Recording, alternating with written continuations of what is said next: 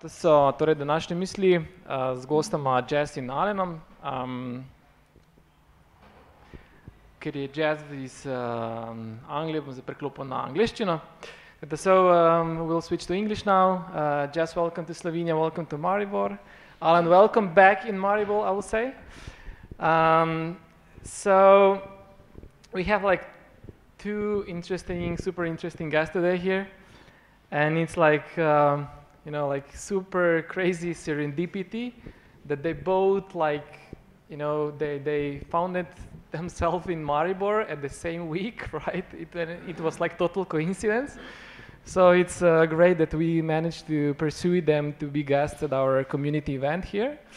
Um, since uh, we published some, you know, some short descriptions about Alan and Jess already on our website, I, you know, I, I, I, presume that you know some things about them, but just for uh, you know warming up um, and to kickstart this conversation, um, maybe from both of you, you know, how would you describe yourself in like three words? What would be the three words that best describe you and your work? Let's see. Yeah, just we are gentlemen, so All right. yeah, we'll start with you. Hi, I'm Jess, and I was worried initially I would have to work on my language skills very quickly for tonight. uh, three words I would go with optimistic, uh, passionate, and a little bit frantic as well. All right, a warm applause for Jess, please. Yeah. Okay. Alan? Hi, I'm Alan, as most of you know, probably. Uh, I see a lot of my friends here. Uh, yeah, nice to be back in my hometown. And three words to describe me probably pessimistic, um, curious, and uh, hungry but not right, in a right. literal sense. I asked you if you ate something before, so come on. okay, so um, to, to better understand, you know, the topic of today uh, tag, talk or, or chat or however you call this, um, we'll go from uh, to to explain a little bit the background of the uh, both guys. I mean, you will the, the explain your background. So maybe you know for, for a start just you know how did you you know end up in the startup world well, so what are your first steps in the startup world and uh, you know and then maybe a little bit of you know development of your career and the startups and everything so we'll know the background and then we can you know discuss maybe the topic later sure so i'm from california originally and i grew up in a family where my dad um, worked in a software company, and I thought it was so boring. I just wanted to get really far away from all of that. So I went to study in Chicago, which is a very cold part of the US, and found myself doing one year exchange to Scotland because I just wanted to go somewhere new. My Spanish wasn't strong enough to consider studying in a Spanish speaking country, and Scotland was close to English. So that worked out.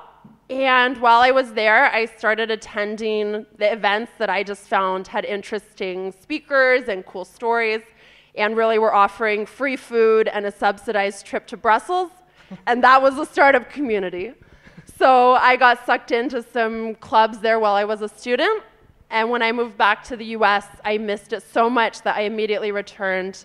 And that was nearly 11 years ago. When I graduated, I moved back to Scotland I did a master's as the easiest way to get a visa to stay in the UK, which was an option at the time. And my master's was in science and technology policy and management, which was very strange. And really, I just needed the visa. It was brand new, and there were only two of us in the entire degree program, so still quite an emerging field at that time. And I found myself, as I was finishing my degree, just going to a lot of events. And at one event, I sat next to the chairman of a company um, launching a new medical device to help women check themselves for breast cancer. And in my family, we had a strong history of breast cancer. So I was just really interested in the product and passionate about the problem they were solving. And the next day, the chairman emailed me and said, Hey, by the way, I know you're graduating in one week. We're actually looking to bring on someone to manage the product launch. Are you interested? So that was how I jumped in. It was all quite serendipitous, like just following one interesting thing some free food, a subsidized trip, the events I found interesting, um, and showing up and starting conversations with people opened the door. So I've kind of been in the startup community ever since then. That was 2007. And at one point looked back and thought, oh my gosh, I tried to run far away from this thing my dad did, which I thought was so boring, and found myself right in the middle of a bunch of software companies that I found fascinating.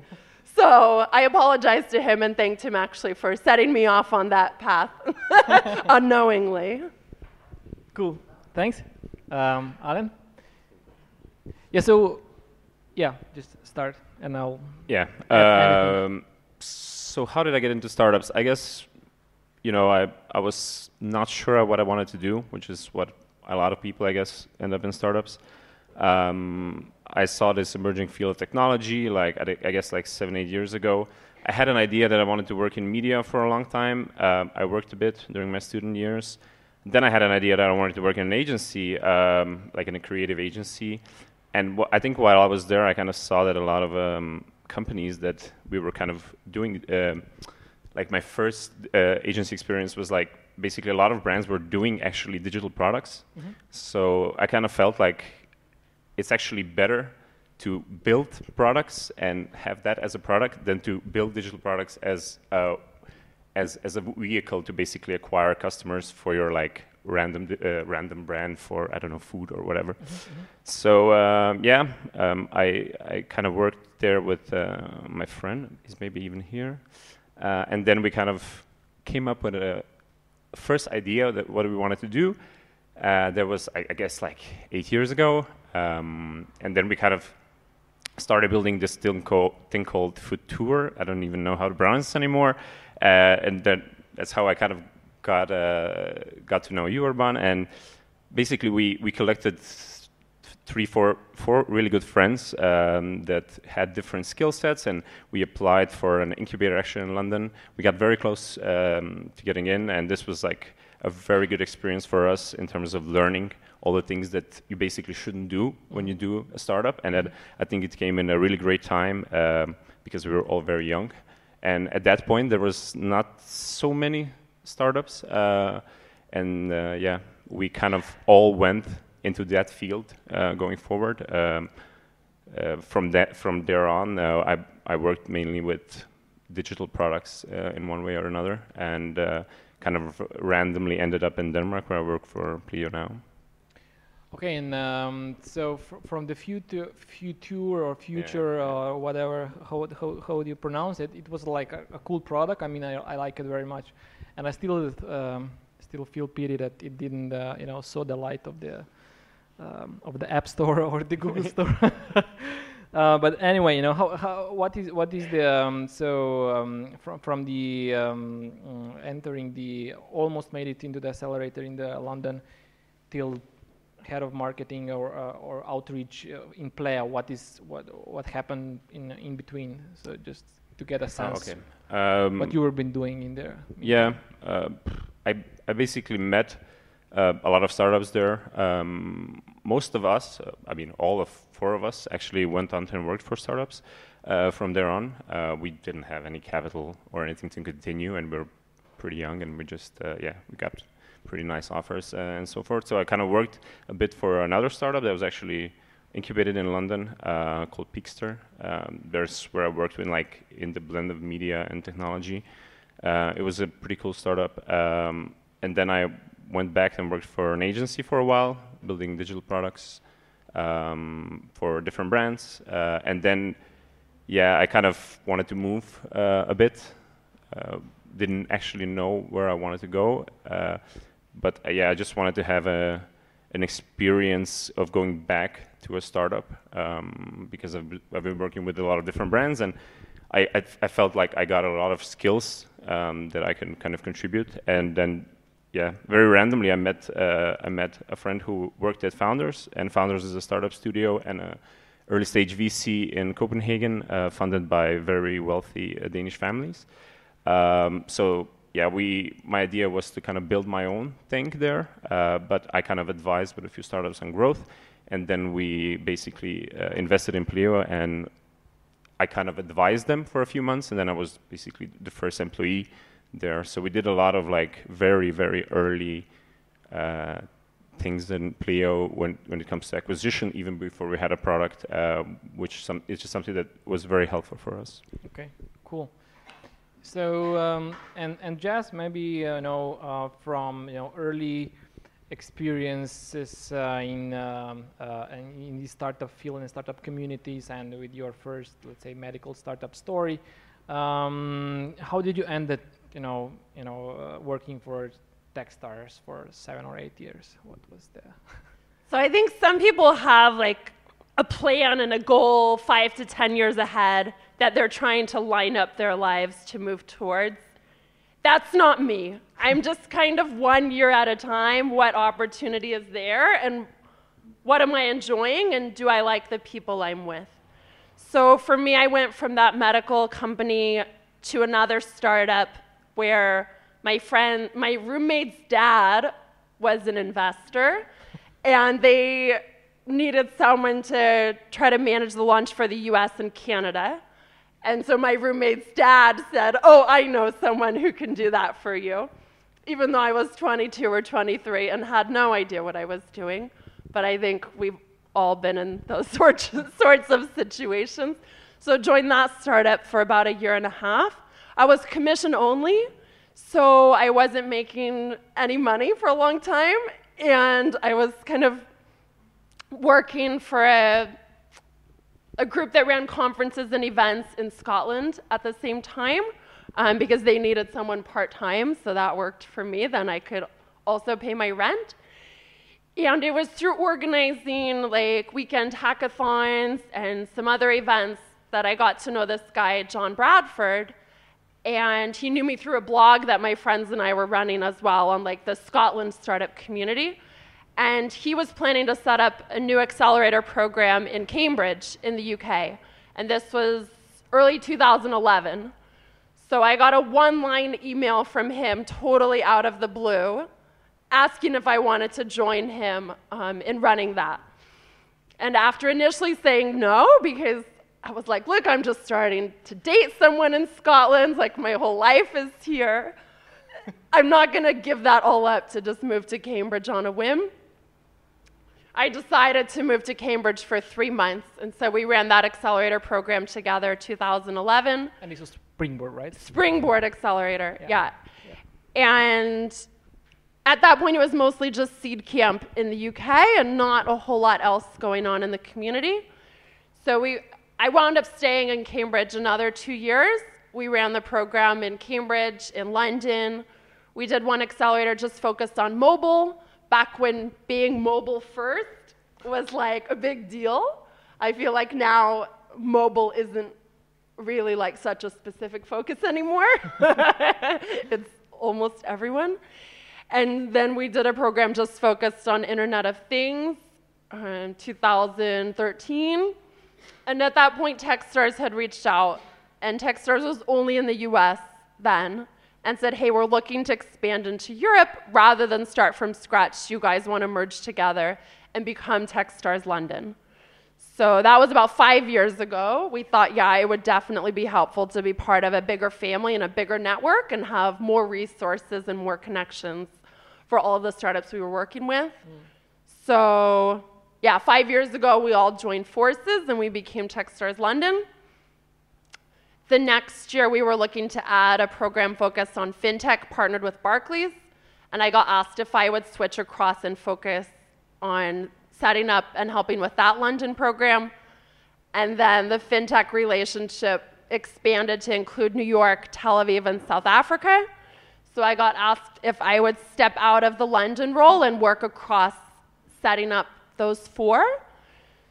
So I spent about a year of my life quite focused on South Africa and on a plane back and forth every two weeks.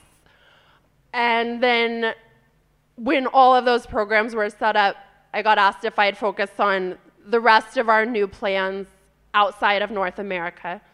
So, Australia, France, Germany, Dubai, Norway um, were kind of the main ones. I'd just been bouncing across and trying to help manage any of the new accelerators we were working on, but each opportunity kind of unfolded a bit by surprise.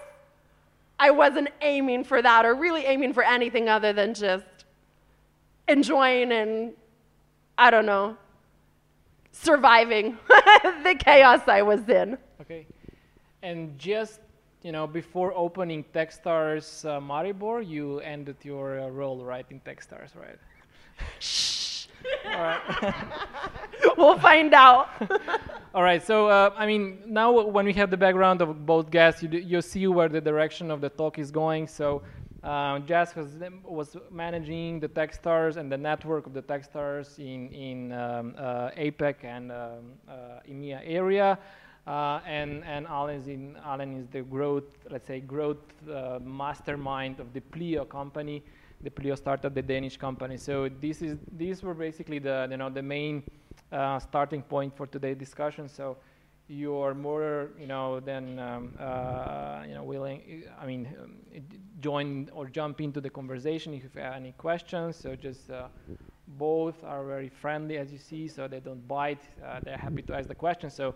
Uh, if you, before I ask the next, next round of the question, just maybe you have any at the, at the moment yet, not yet. No, yes, no?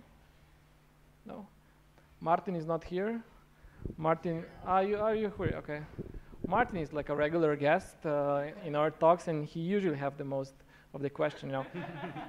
and I used to start this conversation uh, um, that I have a really like I know I, I call it a wet dream that the the audience will have more questions than that I will have, right? and I still didn't you know fulfill these dreams yet, so I'm still waiting for that moment. Um, and I'm trying, you know, trying to figure out the formula now, how to get that. I, di- I didn't, you know, experiment with a lot of alcohol before the event, so maybe this would be it. But you know, the, I still have some time. So, okay, do you have any question at the moment for our guest? Uh, no, they will not be here, you know, uh, for for next half year. So, seize the opportunity now. Now, okay. Um, all right. So, um, Jess, regarding your experience in Techstars, so you you saw a lot of startups and you focused, you know, also on the fintech, and the fintech is also like you know one of the areas that a lot of startups in Slovenia is is here. Um, what are your observations um, regarding this fintech area? Is still is is this fintech still like a big hype that it was like I don't know five years ago? Uh, what are your observations? What what is happening in in this fintech area? So I think overall there became a lot of hyper noise around fintech because the markets are humongous, and I think that was one of the first things that hit me when I was stepping out of some of the other industries I'd been focused on, just looking at like bond marketplaces, or just looking at the insurance industry, and or just looking at the technology spend of a bank like Barclays and how much they put into their IT systems or budget for IT systems every year. And the numbers were just so much bigger than the budgets I was used to, mm. you know, seeing or the markets I was used to hearing about. Um, so I think a lot of that is legit. I think the speed of adoption, when you look at the big banks and incumbents, to some extent, they're still tripping over themselves, figuring out how to implement or how to roll out or take advantage of a lot of the new technologies that they want to be a customer for or that they want to partner with. Um, and I'm sure, Alan, you can speak to some of that as well, but often they're interested and they want to be a customer for a startup, but it still takes them a while or they're overly optimistic about how quickly they'll be able um, to get through procurement or how quickly they'll be able to go from a pilot to a bigger enterprise deal.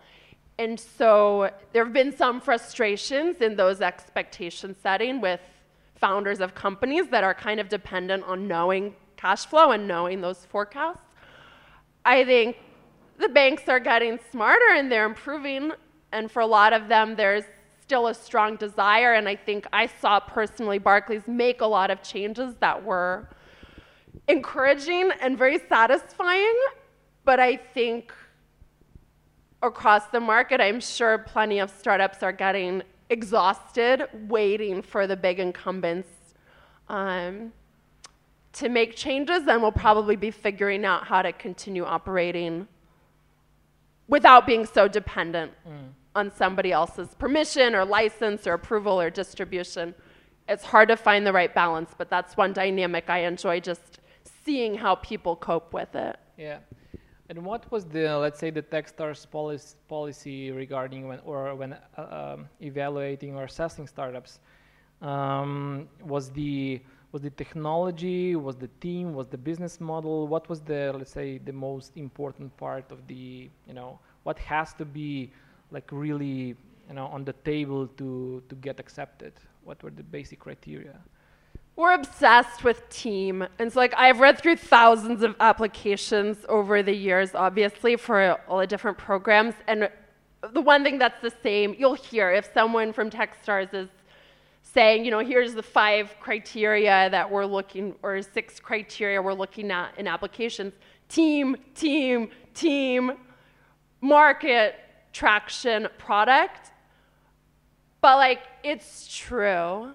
And when we obsess with team, it's like, okay, we're often trying to be psychologists, trying to understand, like, what are your motivations? What actually got you to start this company? Maybe not what's the big public story you tell because it's a nice story, but like, genuinely, what made you want to throw your life into this? Why did you buddy up with the co founders that you've chosen? Or why did you hire those people that you hired?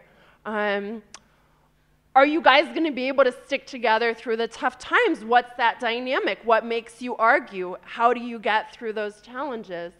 How much do you trust each other? How equitable is the distribution of equity? Does it feel like everybody is motivated and incentivized to see this through? Or has the CTO been given 2%, you know, and we just feel like they're going to bail the moment things get tough. So we're really, you know, doing our best job to try to place psychologists around those questions because the vast majority of companies we see fall apart, it's usually not because they couldn't get their technology to work. It's usually not because they couldn't get customers. It's usually because of co founder issues.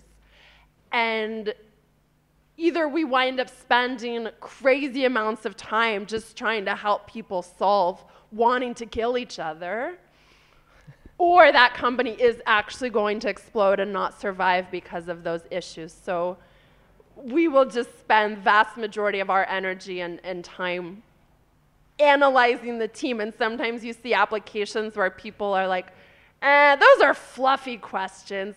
How did you meet your co-founders? at the gym, on the playground, through work. And it's like just frustrating if people don't realize why we're trying to analyze these sorts of things and only put details around the product. It feels like we don't think, you know, that you value your team either. yeah, yeah, yeah.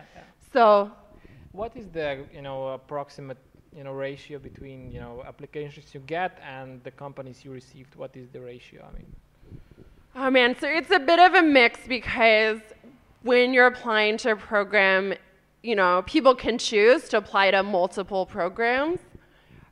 On I mean, it varies across how specifically that program is focused. I think the for the London, city programs yeah. like Techstars London is probably somewhere around a thousand applications, and 10 companies ultimately will be selected. Probably 80 will be interviewed. Probably 40 will be interviewed in the next round, and probably 20 will be interviewed in the final round. Probably 10 will be selected. I should add, I'm not with Techstars anymore. I keep saying we, we, we, we because yeah. It's been my life. It's hard to detach. but I'm just taking some time out. I'm not working anywhere right now. Okay, okay, cool. We'll come to that later. Okay. uh, Alan, so um, you know, regarding this, you know, team, team, team, these basic criteria, the motivation, you were uh, among the first employees in in Pleo. Uh, what is the chemistry in, in, in your team? You know, how is your motivation, and how are you know those, let's say, criterias that just mentioned, you know, sorted out in your company? Yeah, I think uh, fintech is a bit specific, and I think because it's actually very hard to do. Um, fintech startups are very hard to replicate. Uh, you need a lot of experience, um, you need experienced founders. Uh, so when it comes to founders, it helps that people know what they're doing because they're handling money, they're handling compliance, uh, they're handling a lot of regulation uh, that comes with any fintech startup in general. And uh, for us, actually, it was for us, it, it, was very important that we had co-founders that had a lot of experience with fintech. So they both worked in uh, TradeShift, which is uh, a Danish procurement uh, software. So they had a lot of experience in fintech-related services. Uh, and uh, yeah, Jeppe, our CEO, was the CFO there, so he had he knew the pain that Pleo is solving. So he was solving his own pain, um, to say. Uh, and yeah, I think both Jeppe and Nico, which are the co-founders, had really great chemis- chemistry, and they both have really great experience, and they both bring a lot to the table. Uh, our, f- I think our first year uh, with Pleo, since since before they got an investment from founders, and uh, that's even before uh, um, I met them, is has been just putting all the puzzles together, just figuring out the partners. We work with a lot of partners. We work with partners for processing. We work with partners for issuing cards, uh, regulators, compliance. So there's like a lot of infrastructure that needs to be built. So yeah, I would say if if if um, yeah if you have experience and if you know what you're doing in fintech space, yeah, it, it's it's pretty apparent that uh, yeah you're onto something great. And if you go come through with this, uh, I think especially like three years ago, there was not a lot of uh, plug and play solutions. I think now in Europe, especially with PSD2 and stuff, there's a lot more noise because it's a lot easier right now to just yeah say okay yeah we want to have a card we want to have a prepaid card so that's why you see in UK there's like at one point there was like 10 challenger banks uh, last year um, but yeah I think the challenge right now is basically growth uh, for a lot of those companies. But to go back to our team we are yeah I joined very early. I we we built the team around um, I think five to ten people in the beginning in the first year that was actually just building the product, and at the same time I was in the commercial part, the only person there, kind of creating like our positioning, uh, telling the people who we are. We were very active actually very early on. That's not very common for a lot of startups. So a lot of people who work in growth will tell you, oh, before you have a product or you before you had a product market fit, it doesn't make sense to have marketing or growth. Whereas in our case, it actually proved to be a, um, a good a good decision, and because we just basically applied for like competitions and we got a lot of press, and that means we got a lot of early stage signups, and that that basically was a great indicator for later when we went uh, fundraising, and that's why we attracted uh, high profile investors because we just basically could say, okay, we have 1,000 companies waiting um, to get started with Pleo actually. Okay. Maybe before you go into details, you know, can you explain us really simple, you know, what is Pleo actually doing? What is the service? Yeah, so yeah, so Pleo is a company spending solution uh, that provides company cards to employees, uh, and it basically automates a lot of expense reports and book re- booking keeping related tasks. So basically, it's we want to make company spending as simple as possible, but at the same time, for the finance people, we want to make it as easy as possible to control and maintain because the, yeah that's quite a big hassle for the end user as an employee because right now when you buy something for work you have to keep the receipts you have to take pictures you have to take it to your accountant and then the accountant has to put it in manually. So we basically automate everything since from the purchase to the accounting software. Okay. And um, so so your your target target let's say market are what not small enterprises probably, but uh, middle and bigger enterprises, right? Yeah. So yeah, we kind of started very like uh, size and industry agnostic because everybody has that pain. what we kind of focused on when we kind of learned when people started signing up for Pleo and started using it in beta.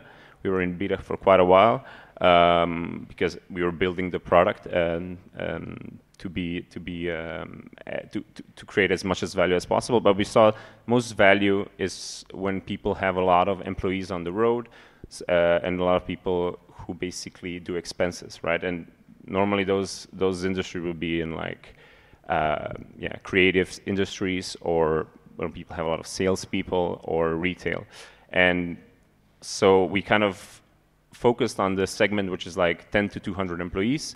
We don't focus on smaller companies anymore. We started off, but we didn't see that we can provide enough value for them. And there's a lot of services that started to pop up, um, and we we kind of started from the start to have a basically a financial model in place. So a lot of fintech startups would be free. Uh, well, we have a subscription model. And yeah, a lot of smaller companies are not willing to pay for a subscription because they'd be like, oh, we don't have a lot of expenses. And then bigger companies would have infrastructural difference, uh, differences and always different setups with their ERP solutions, so they're not very suitable for us. So it's basically a plug and play solution for like 10 to 200 employees, and uh, yeah, that's been our main uh, main uh, main growth. And it's only in two markets at the moment, so Denmark and United Kingdom. Mm-hmm.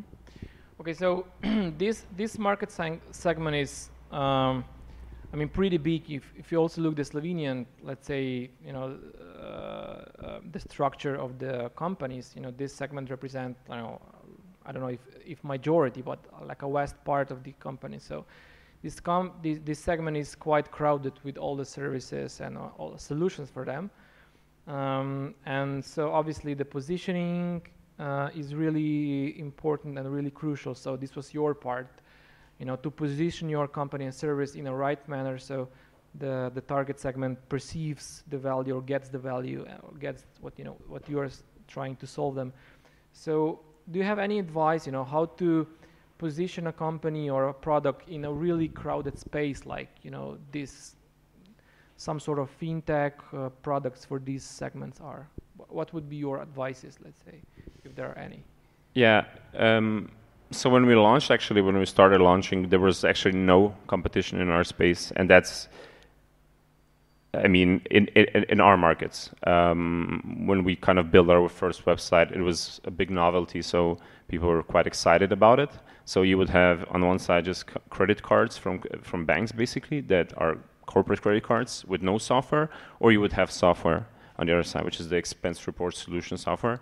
It's very boring in general. Uh, and uh, we kind of blended this together. So we were quite a unique proposition. So we got a lot of traction, like early interest traction, just because press was excited that people won't have to do expense reports anymore. And uh, yeah, and that, that's that's basically a lot of people can relate to this pain, and a lot of people just saw a lot of value just coming to our website, right?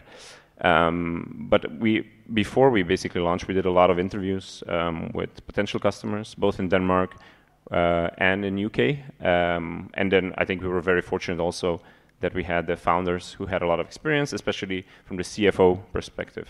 So, yeah, it, it's as I said before, like fintech is pretty complicated. But when you even come to the B2B space, it gets even more complicated because the compliance gets more complicated because the workflows get more complicated. Mm-hmm. And I think, yeah, since we launched, uh, I think we're in in business now for a year and something, and we have, I think, 1,200 companies using it in those two markets, and we're growing quite a bit. Uh, so there's still a lot of potential out there, uh, even though there's a lot of competition popping up mm-hmm. in our space, and that's due to a lot of services are easier to build now because the infrastructure in place is a lot more open for a lot of startups. Cool, cool. And you, yeah, just.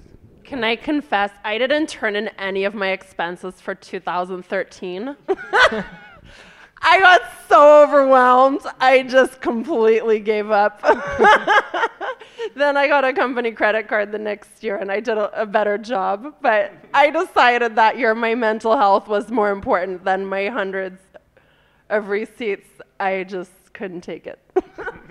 just, just a comment, maybe from your side. I mean, you see a lot of companies that is, you know, trying to aim in this segment um, and position themselves like you know really adding value. And every company is like, we add value, we solve this problem, this and this and this. Uh, so what are your observations regarding, you know, or how to stand up from this crowd? I mean, it's getting crowdier and crowdier, as you said. The conditions, the basic conditions are are there. The technology is there. The basic setup is there. So the, the space is getting crowdier and crowdier. So what to do? I mean, how how to solve this? I'd say first of all is understanding your target market as specifically as possible and as well as possible because still too many companies I think feel like everyone is our market. Everyone who's a parent, everyone who's a designer, everyone who wears shoes.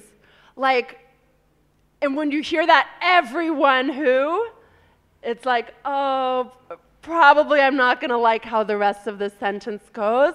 And I think the more specific you can get and the more you can understand your piece of that market where you're going to begin, the more you can figure out how to appeal to that group and state your value proposition in a way that resonates with those people. And I think too many people are afraid to have that narrow focus because you feel like, oh, but that's such a small market. We need our numbers to be big. We need to show that we're for this whole big piece of the pie. And I think that's when a lot of messaging gets too watered down, or people start to lose their identity, or your message doesn't really resonate or speak to anyone compellingly because you're trying to appeal to such a big group. I also think the value and the art of business to business sales is becoming more and more appreciated within the startup community. And I think the way that you try to appeal to consumers is often just so different to doing a large enterprise sale. And I saw this a lot with, with fintech, but also we have a program focused on in Australia, focused on the defense industry.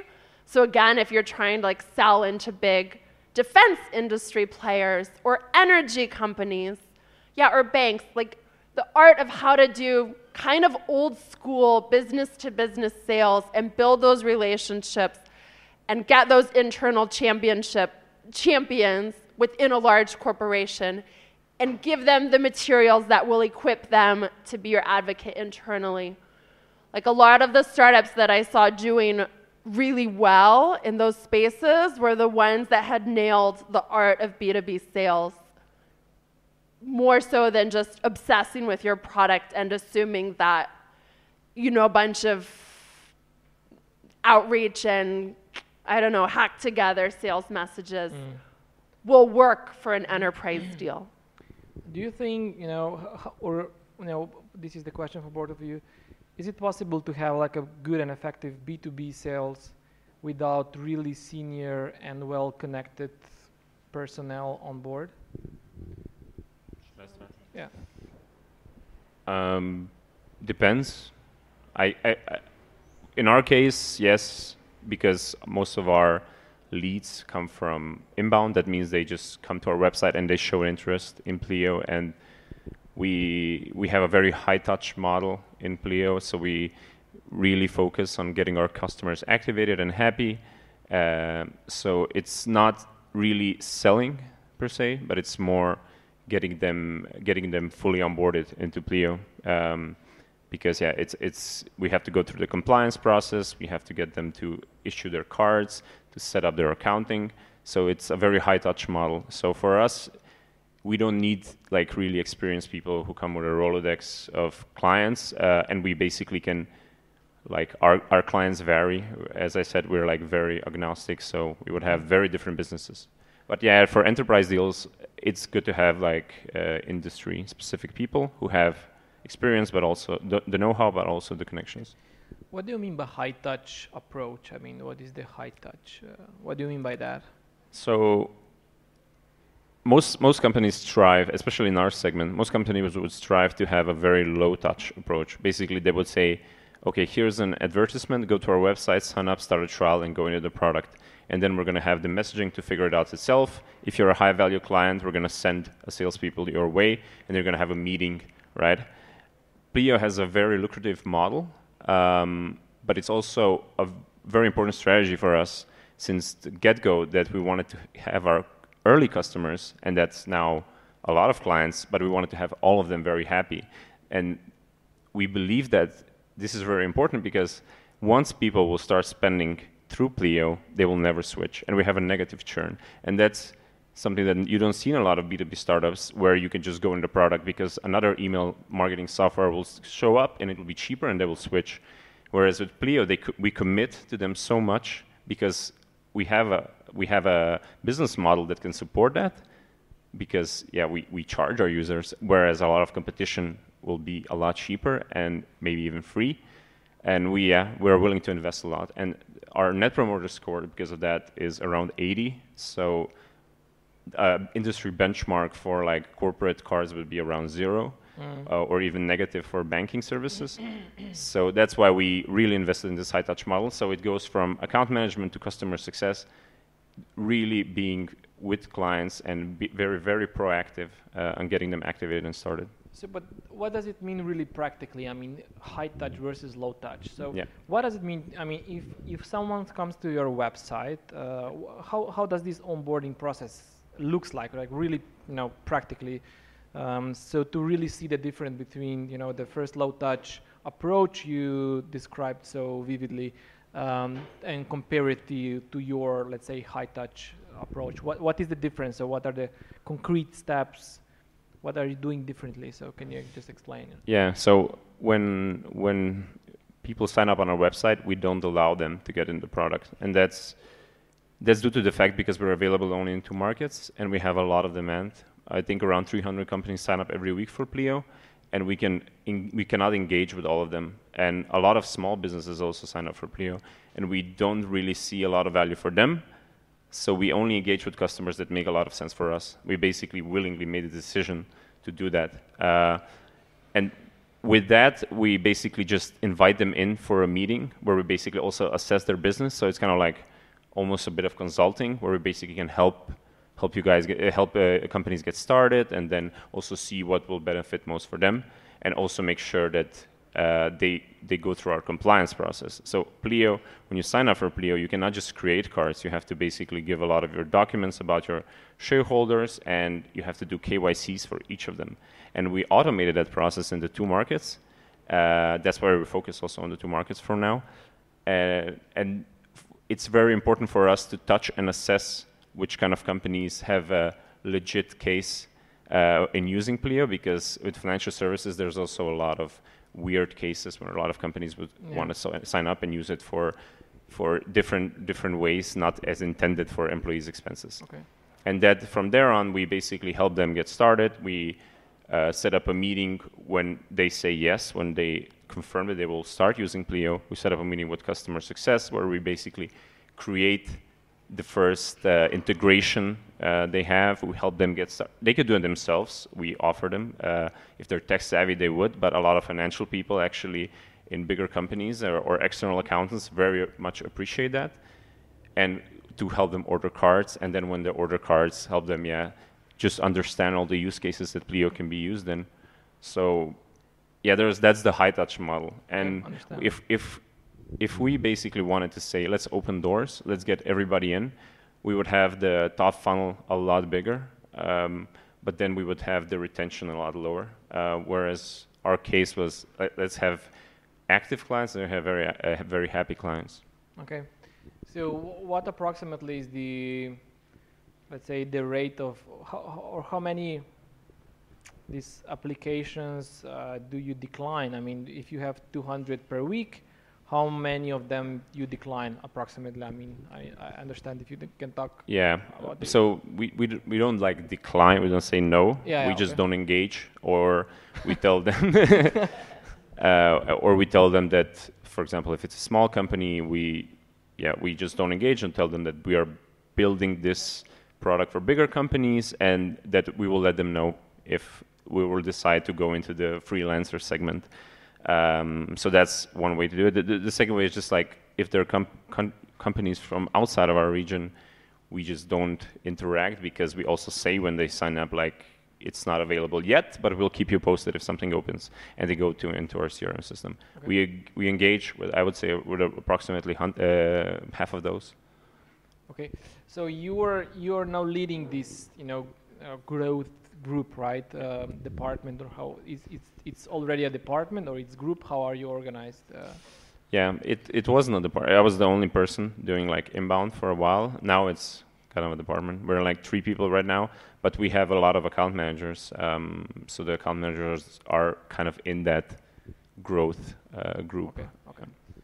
So you are managing this all this conversation with these companies that feed by manually, or is this automated in a way that I mean it's done Ye- by some chatbot or anything? Yeah, we yeah we have a pretty advanced stack in in sales and marketing, so we could see on the email if this is a high potential deal, and then based on that we would push them automatically with a meeting with a account manager, so with the salesperson. So there's like no touch if the lead is qualified for us. And we use quite a lot of different services to help us that, but basically people just put in their email when we get a lot of details and help them through that, uh, so we don't interact manually. No, I think what I see a lot is that a lot of businesses actually have questions right now. So they would, especially bigger companies, they would not just go into a trial or a demo. They would engage in chat actually. So in that sense, yes, there's customer support, uh, helping them and then pushing them to the account managers. We s- I see that quite a lot, a lot uh, more. And then there's also people who call us, and then we also engage with them manually. But other than that, no. Okay, cool. Thanks.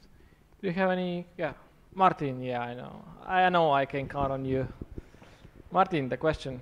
Uh, I've got two questions. First, one for Jess.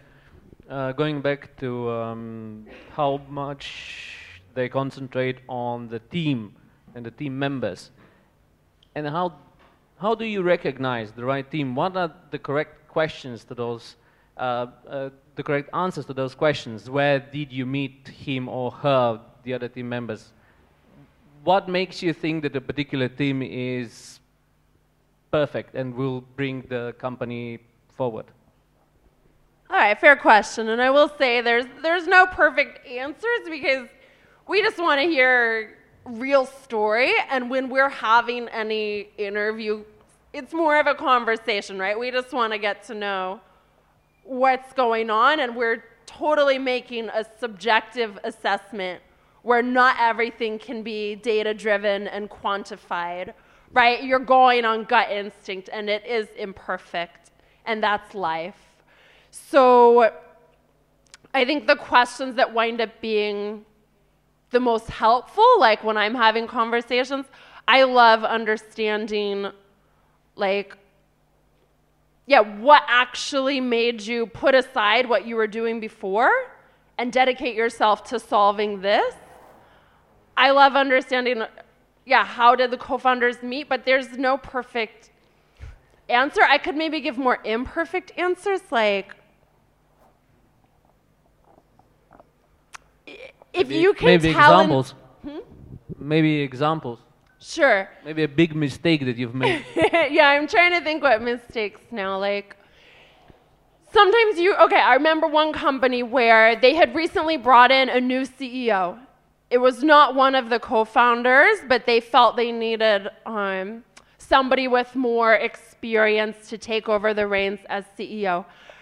But as they were speaking and just answering our questions about the market, about the product, you could tell they didn't trust the new CEO, and the old CEO kept wanting to correct things and change the answers and interrupt. And so you're just judging that dynamic. Like, do they trust each other? Um, do people in certain roles seem to have a fair background or expertise or value to bring to that role? Understanding that it might change, but if you sense they don't trust the CEO, that's a big red flag, right? That should be to anyone. Um, if there's major gaps in the team, I love to ask, what will your next hire be? Like at the point that you're bringing someone else into the team, what will that hire be? It's kind of the same way of asking what's your biggest gap in the team, but it's in a way that doesn't make it sound so negative. I think people are more honest when you just say, What will your next hire be? Um, and it's fine, everybody's gonna have gaps in the team, that's fine. But I think we used to wind up investing in companies that didn't have the technical expertise themselves. I think that's extremely rare now um, because you want to know that the team is going to be able to execute and get things done and not be sitting around waiting to find the magical CTO unicorn that is going to be as passionate about what they're building as, as the rest of the founders. I mentioned when we were chatting earlier, sometimes you see very complicated equity structures. Maybe you see that the technical side has been outsourced to a company that is maybe now 40% shareholder, and maybe you see that the CTO of the startup is also the CEO of that technical outsourced company running a number of other projects that they're still you know, stakeholders in. And that can get super messy. At what point is that CTO going to become full time or going to become only dedicated to the startup? And we're not sitting there trying to rip anyone apart or trying to mess up other businesses going on, but you just look at that usually and feel like, eh, this is gonna get too messy. Like, that person is never actually gonna leave that software company of 100 employees. And if they do, having that 40%, like let's talk about how this equity is distributed, it's more about finding red flags. Um, or finding that as you're chatting, you just fall in love with the company you're chatting with. Like you just fall in love with the founders, their story. You want to understand what is what is your unique background or perspective or experience that you're bringing to the company you're building. And Alan kind of touched on this earlier in terms of in fintech, it's usually winds up being relevant that the founders need to have some background or expertise in that piece of financial services. But whatever it is you're doing, maybe you didn't work in that industry before in property, in fashion, in retail, but what is your unique perspective or insight that other people aren't acting on that's going to help make you successful. We're just trying to understand and figure those things out. Otherwise, in a crowded market, it's hard to believe that you're going to be the winners, you know, until we can see and feel that with you. I hope that helps, even if it's kind of. Yeah, okay. Cool. Uh, and a question for Alan. Uh, I like the idea very much. But how exactly does the um, accounting software then get the information you collect? Through their API. So we basically in in I don't know how is it here actually right now, but uh, in uh, in UK and in Denmark, you have the market leader in cloud accounting software, and they would have very very developer friendly APIs. So there's a lot of tools for invoicing expenses just basically everything that you can think of built on top of them. So it's actually a very, very big value proposition for uh, finance teams, uh, not much for the end user. Um, so yeah, we're, we're kind of opening up to just integrate our services into more services as we go. So right now, your system works with just one accounting software? No, we work with several, but not with every. We don't work with all the ERP systems yet. All right. Any other question? Here and there. I'm glad you warmed up. All right. Uh, my question is for both of you. Uh, what was your uh, peak of your stress level during your journey, and how did you overcome it? Uh, thanks. Stress level? Yeah. Mm. So what was the most what stressful situation or something yeah, like that? Yeah, exactly. Something yeah, or stressful level of the journey itself. Like okay. the most critical part of your journey, and how did you overcome that? Okay. Hmm. I don't know. Danes are very uh, relaxed people. They have a very high uh, quality of life. They have a very great, basically, work-life balance. Uh, so living there, I never experienced stress. To be honest, I, I experienced it here quite a bit, uh, but not not there. I mean, there's stress in cer- certain situations, but I think what I found very fascinating with our founders is that they've been very calm. They're basically adults. They know what they're doing. So even when we were just four people, I remember when we were we didn't have basically anything yet on the market. We were talking about things that are happening today, and we were talking about it with all the seriousness. And uh, the plans were very ambitious. So, that, so at that point, um, you you get a lot more calm because you know you trust them, and uh, I think it's really important to have founders that you can really rely on and make sure, especially you know we are a company that's dealing with finances, and yeah, a lot of things can go wrong, but as I said before, if you have domain domain experts, is it's it's it's very helpful. So, yeah. Can I add Can I add a sub question? Um, maybe stress is also related to let's say responsibility and to let's say some sort of expectations of, of or maybe your metrics. So what what is your responsibility and with this responsibility related metrics uh, or expectations of your position or your job?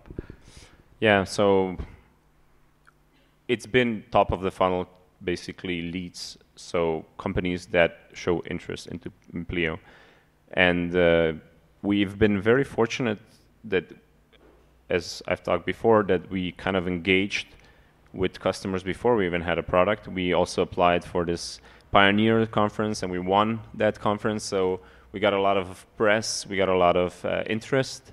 So we were very fortunate that basically a lot of salespeople, account managers, they came in, they just basically had a backlog of companies that they just waited to be called.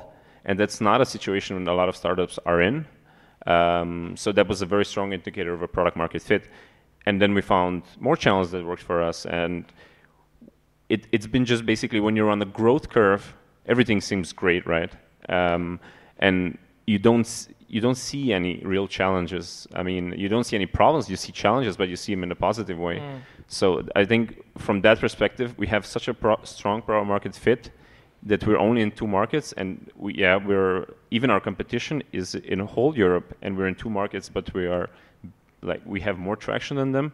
That also kind of uh, kind of uh, for opening up new markets that basically um, yeah, that's a good signal for us. So we're we're we're actually not that stressed about that. But yeah, our my, our main my main metric in our team is just basically the number of qualified leads and then the number of active companies. Okay, cool. And Jess, back to you. And um, stress-related question. yeah, I'm used to operating, as probably most of us are, at quite a high level of stress. So I, if I'm not at a high level of stress, I'll probably take more on until I am unfortunately. Um, 12 years ago, I had a weird summer job as a tour guide around Scotland. I was a 20 year old American that had been in Scotland for nine months, and they would give me groups of 40 or 50 people, and I was responsible for them for 10 days. And I had to give the talks on the coach, like tell them all about Scotland's history, every day give like walking tours of cities I'd never been to. I was just pretending I knew what was going on, and I read the book Scotland for Dummies every night and wrote note cards for myself to give my talks the next day. So I know this seems unrelated, but that was probably the highest stress level of my life. Everything else has been manageable. I was also completely on my own for that job.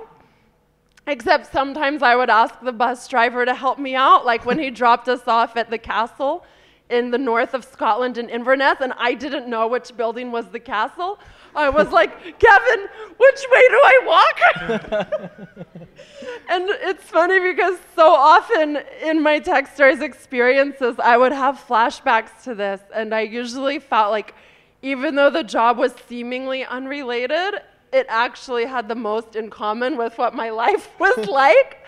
And so I don't know if you guys have found this that jobs you had when you were 18 or 19 or 20 like shaped your character or were such high stress, and you just tell yourself, I got through that, I can get through anything. I think how I got through the Techstars stress was definitely my colleagues. Like, some people have a big separation of work life, personal life, home life. Mine is all one big blurry like circle. It's all the same. My colleagues were my best friends. They were my family. I even lived with some of them sometimes. Um, and so just that feeling of camaraderie and like I've got their back and they've got my back made me and us together, I think, take a lot more risks and be able to accomplish much more because it wasn't about looking backward and blaming you did this wrong, this was your mistake. It was so easy for any of us, but especially me to be like, okay, I screwed this up. I didn't realize these visas were going to be so difficult. Help. How can we fix this? And I recently dyed my hair for the first time, but I used to dedicate every new white hair to a startup visa in another country that we were entering. And that was probably boringly what gave me the most stress the last few years. Cool. Thanks. Um, Alan, how is this, you know, separation between work and, you know, friend areas in, in Denmark? Is this like similar than just explained? So is this like one blurry area or is this separation more like sharp? Um, I think for Danes it's very sharp. Uh, for for the rest of us who work in IT, it's different. So yeah, most of my friends are people who I worked with um, because yeah, Danes are you know known as a northern northern uh, country. Like people are a bit more cold. They're not very open um, to to meeting new friends. And you know, I, I read a nice saying like, you're gonna make a Danish friend, but you're never gonna meet his friends. And they have very close knit circles that they kind of have since high school, and then they really stick with them. Um, so yeah, that's. But yeah, as in a startup, of course, there's always long hours, and you become friends along the way. Okay, cool.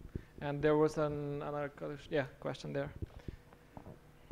Uh, the question is for both of you, but I will refer, uh, refer on something Alan said, and uh, he mentioned that uh, they were lucky having uh, founders that uh, knew what we're doing, knew knowing all the regulations and stuff. And in my opinion, the IT guys are not so much into that.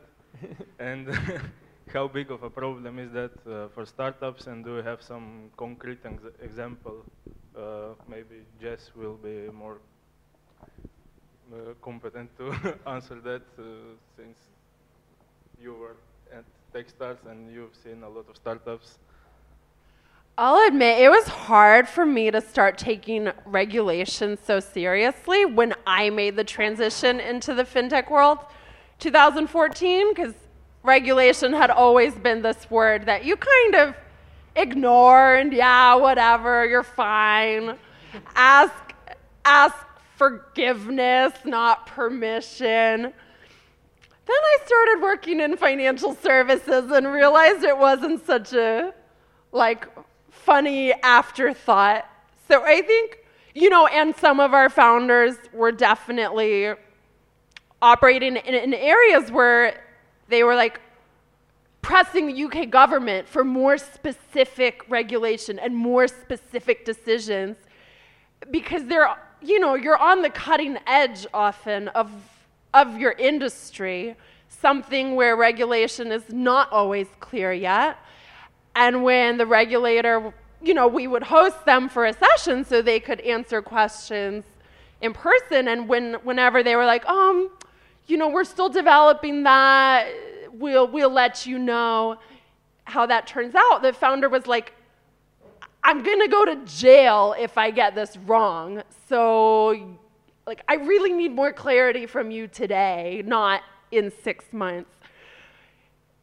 And once I realized how much more was at stake, whether it's the humongous fines or the personal liability or actually going to jail, it's not such a remote possibility. I've realized some some industries regulation is yeah going to have to be a little bit more at the forefront but i don't think any of us are looking to make regulation, the first topic of conversation for every business. We mostly acknowledge it's uh, not the most fun topic, but in fintech, when you have people that can navigate that well for you inside the company, it's a huge advantage. Yeah. Agree. Alan, any comment to that? No. Poof. Phew, No. Phew. not really. I mean, I, I mentioned a lot ask- of things you about still the. ask for forgiveness, not for a permission, right? No, no, no, no. Okay. Uh, any any other question? No. All right. Yeah, Luca. What are the plans for this year? I love that question. then I can explain how I wound up here. so I made my decision a little over a year ago. Last March, I said within Techstars I wanted to finish through December and work nine more months like crazy. And then at the end of December, I was gonna, you know, press pause and, and wrap up that adventure. So my first goal for this year was to go to Antarctica. And I went in February on Valentine's Day. I thought I'll find a penguin. That will be a nice Valentine's Day. so that was February. I had a good time. If anybody's looking to go to Antarctica, let me know. I'll, I'll point you in the right direction. I made three goals, I should say. Second goal is I wanted to buy a house in Slovenia. I'd never been before, but I've confessed Not, none of the none of them did take you seriously on point two. So uh, tell them that you are serious regarding the point two, please. Yeah, it's legit. It's on LinkedIn. I'm not lying. so I read an article in the EasyJet magazine two years ago, and this article talked about how in certain parts of the country, people live to be over 100 years old, way more than the average.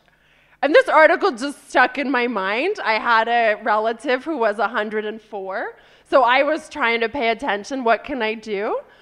And so after reading this article, thanks to EasyJet, I just started Googling more and more about Slovenia.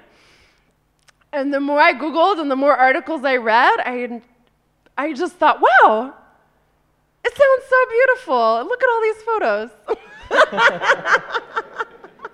Google Images can't be wrong. And then at the same time, I would hear friends mention they'd just gotten back from a trip to Slovenia and mention what an amazing time they had. So, you know, it starts out as this crazy thing, but then it just kind of adds up and adds up. And I thought, screw it.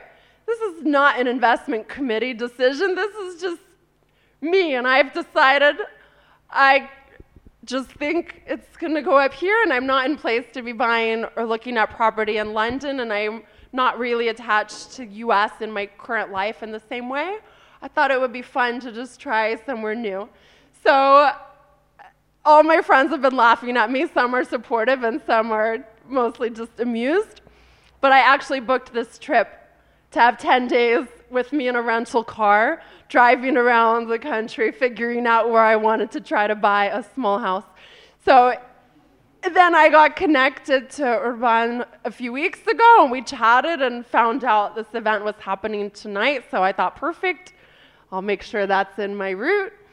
and uh, if anybody is from Piran, I would love to chat with you afterwards. And my third goal is learning to draw latte art because I've never been artistic. And when I thought, do I want to learn oil painting, watercolor? No, I'll just decorate a latte. That would be fun. so I'll try to use all different parts of my brain with adventures, property, lattes. And then um, in discussions about joining someone and starting a new VC fund, also not a joke, um, at the end of the year. But he knows, he knows where I'm at in terms of just taking my, taking my time with these adventures now. Cool. All right. Thanks. Any comment on that? Point one, point two, point three? Yeah. Nope. Anyone from Piran? No. Not the right community for that. okay. it's so thank you for having me. Um, but you know, the next question related to the the, the goals, Alan. Uh, what are the plans for the Pleo? I, I you know I heard you have high, high let's say um, high high plans, high goals for this year. So can you tell us more about it? Yeah. Um, so, as I mentioned, in the past year, we got a lot of companies on board. They're very happy. Uh, yeah, and subsequently, we we kind of saw that there's a lot of interest from um, all around the world um, in Pleo. Everybody hates expenses, uh, so our, our our plan is to expand geographically. Why we expand geographically, country by country, is because we comply by local regulations, but also it's our decision, as I mentioned before, to go very deep in the market and understand the financial system, how the tax works, etc., etc. And that's why we took a different route route than a lot of uh, financial startups and our competitions, which are basically wide across Europe. Um, and that's why I believe we are uh, have such a strong attraction. Um, so our goal is to launch market by market in uh, three to five new uh, countries this year. And yeah, we are around 50 people right now working in Copenhagen, and the plan is to at least double this team this year, and then see what what happens going forward. Cool. In which year the Slovenian market is uh, on your roadmap? We actually have a lot of uh, sign-ups from Slovenia. Um, it's, it's quite interesting, but uh, yeah, I, I don't even know how to say expense reports in Slovenian. So I hope this event will be in English actually, because it's really hard to pitch. Uh. Um, but no, I mean, we we don't have it. We don't have it like set in stone. Which markets are we going to open? There's definitely like bigger markets to go after, um, and which are not so cash uh, heavy. So where card acceptance is uh, higher, especially the Nordic markets. Um, so that's that's going to be our, our aims. What what is the difference in the card acceptance ratio between I don't know Nordic countries and I don't know Spain or Italy, where I suppose that the card card ratio is pretty low? Yeah, Just, just to have a feeling because I don't know what what are the I, I, numbers. d- I don't know the statistics, but I know from my own experience that in my two and a half years in Denmark, I never had a need to use the ATM. I don't even know how Danish coins look like because basically everywhere uh, cards are accepted. Uh, so there's a lot of services where you can get a terminal like iZettle or in UK like Square, where basically every small shop can just set up something for free. And um, I think the infrastructure in Nordics is extremely great. I mean, extremely advanced when it comes to like payment technology. There's a lot of payment technology companies that, yeah, I think it's really like cutting edge when it comes to that, uh, especially in the Nordics like Sweden and Norway and uh, Denmark. Okay, okay. And in, in, in other countries, like you can use Pleo and you can take out cash, and but then we have to kind of cater that in a different way, and it's also not something that we uh, that we that we have at the moment uh, done very well because most of the pe- most of the people buy with their cards. But the interesting fact is that card basically card payments went went up in the last 10 years significantly because if you look at 10 years ago like most of the things were paid by invoices so we even see right now in UK that there are companies who pay rent through their cards they pay events through their cards so it's a lot easier to basically swipe uh, a card right now and pay for basically anything so that's also our decision why we went uh, with cards in the first place Okay. So where do you see, where do you see this trend? I mean, a lot of things and um, opportunities in fintech that are in, um, I don't know, contactless payment cards. Uh, so where where do you see where where where this industry is going? What are what is your let's say feeling or you know, what are the trends? And, and on the on the other side, what are the threats or what are the let's say pitfalls that is holding the development of this industry behind or let's say? Yeah, I mean, with Pleo, we, we don't say we're a card, um, and that's because we see card as um, basically just an object, how you make a payment, and we don't engage in advancing our card. So what we believe in is that basically, you know, payments will become just easy to easy to make is either it's with your phone or either with your card. Whatever is the easiest either it's with your virtual cards. So we also do virtual cards with Pleo so we don't actually care what is the end object. It just happens to be a card at the moment because it's used by most of the people. It doesn't run out of the battery and it's weatherproof right mm-hmm. so it's very like it's it's everywhere. Um, so what what we are focused on with Pleo is what happens before and what happens after the payment, and I think that's where most of the value is being added by fintechs. I think where where innovation will happen in the car, so basically in this object that will do the payment, will happen with either Mastercard or Visa, which are the biggest issuers, of cards. Whereas the innovation that we can provide and where we add the most value is what happens before and after. Jess, would you add, add anything to these trends that are um, in the horizon? What, what do you think? What is your crystal ball? I am saying? not paying a lot of attention to the trends right now, so I think ask me in September. All right. Just I try to refocus you from Piran to Maribor. I right? can I can I share? When I messaged across Techstars and announced just internally it's about 180 people working in Techstars around the world. And when I messaged to just say confidentially, I'm going to be wrapping up end of the year, here's my three goals for next year. Um, two people from the company wrote me back and said, I also want to buy a house in Slovenia. and they were Connor Murphy, who's our managing director of the. Berlin? Yeah, in Berlin, yeah. partnered with SAP, and Sunil in Canada, who runs Techstars Toronto, and it was because both of them came to the conference last year and fell in love with the country then. So there's a lot of love in Techstars right now for Slovenia. And, we have uh, to monetize that. yeah, and that conference definitely is like making its way around everybody's hearts. Cool. So I'm happy to finally be able to be here. And yeah, maybe I will change my location. Who knows? All right. Or maybe add additional location to already existing one. Okay. All right. Uh, we are wrapping up. So last round of the questions from from the audience. If if, if someone has anything, Martin. Uh, maybe this is a perfect uh, question for, for the end. You've been, for, for Jeff, of course, you've been to uh, the, all these different countries, Techstars is in all these different countries. What differences do you see between the UK and Berlin and South Africa and so on? In the um, quality of startups or the uh, dynamics within teams or whatever? So I'd say every community is a bit different, and each of the programs is open globally. So each of the programs is not just working with startups in that ecosystem, but the mentors and investment community of that ecosystem.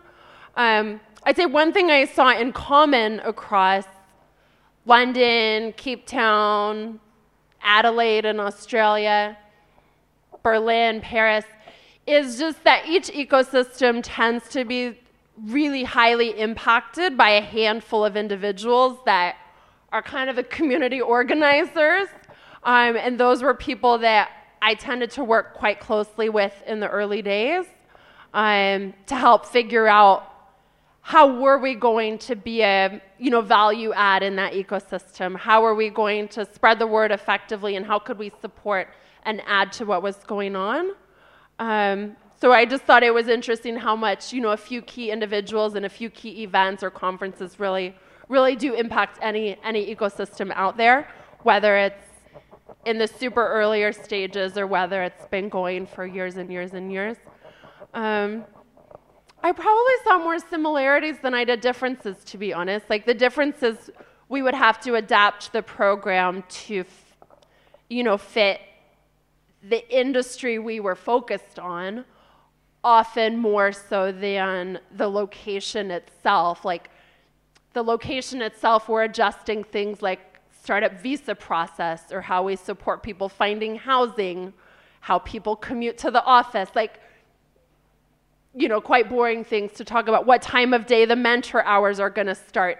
Do people wake up early here? Do people expect 10 o'clock is an early start? You know, some cities it might be 8, 8 a.m.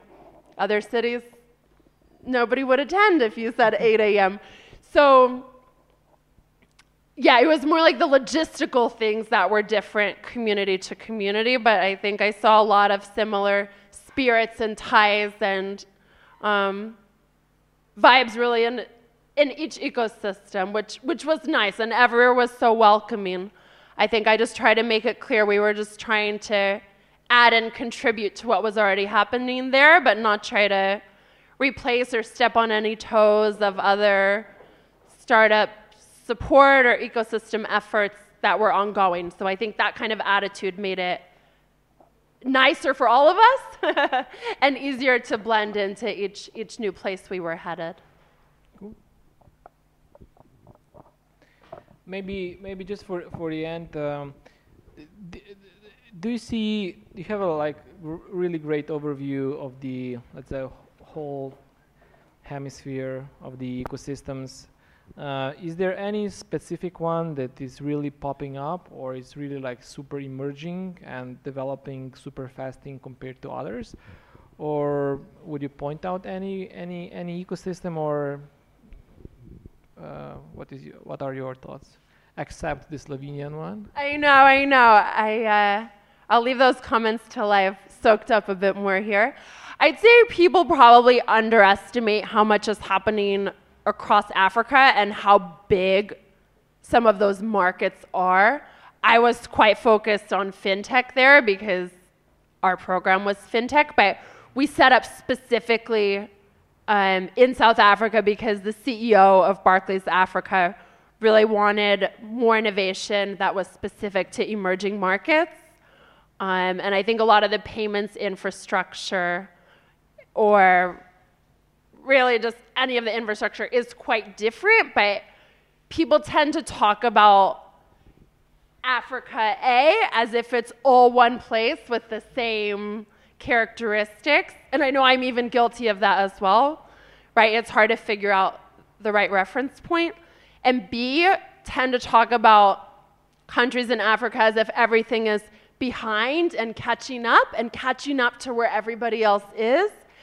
And I think what's quite funny is that when you're there, whether you're in Ghana or Kenya or Johannesburg, Cape Town, um, Nigeria, I didn't get to, but just would learn a lot from from other people.